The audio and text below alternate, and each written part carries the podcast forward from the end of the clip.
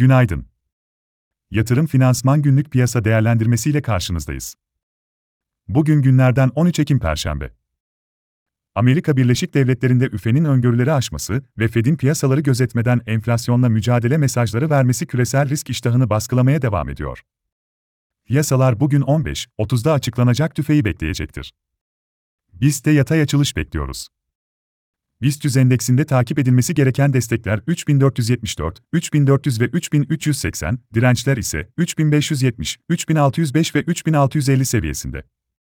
Türkiye 5 yıl vadeli CDS primleri güne 767 bas puandan başlıyor. İçeride Türkiye Cumhuriyeti Merkez Bankası haftalık yabancı menkul kıymet işlemleri ve rezervler izlenecek. Dışarıda ise haftanın en kritik verisi olan Amerika Birleşik Devletleri Eylül ayı tüfe verisi açıklanacak. TÜFE'de aylık %0,2 artışla yıllık TÜFE'nin %8,3'ten %8,1'e gerilemesi bekleniyor.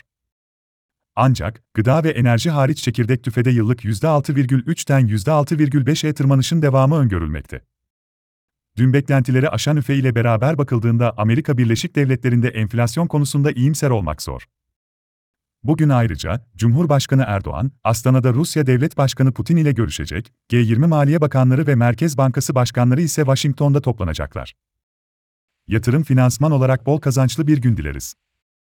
Yatırım finansman olarak bol kazançlı bir gün dileriz.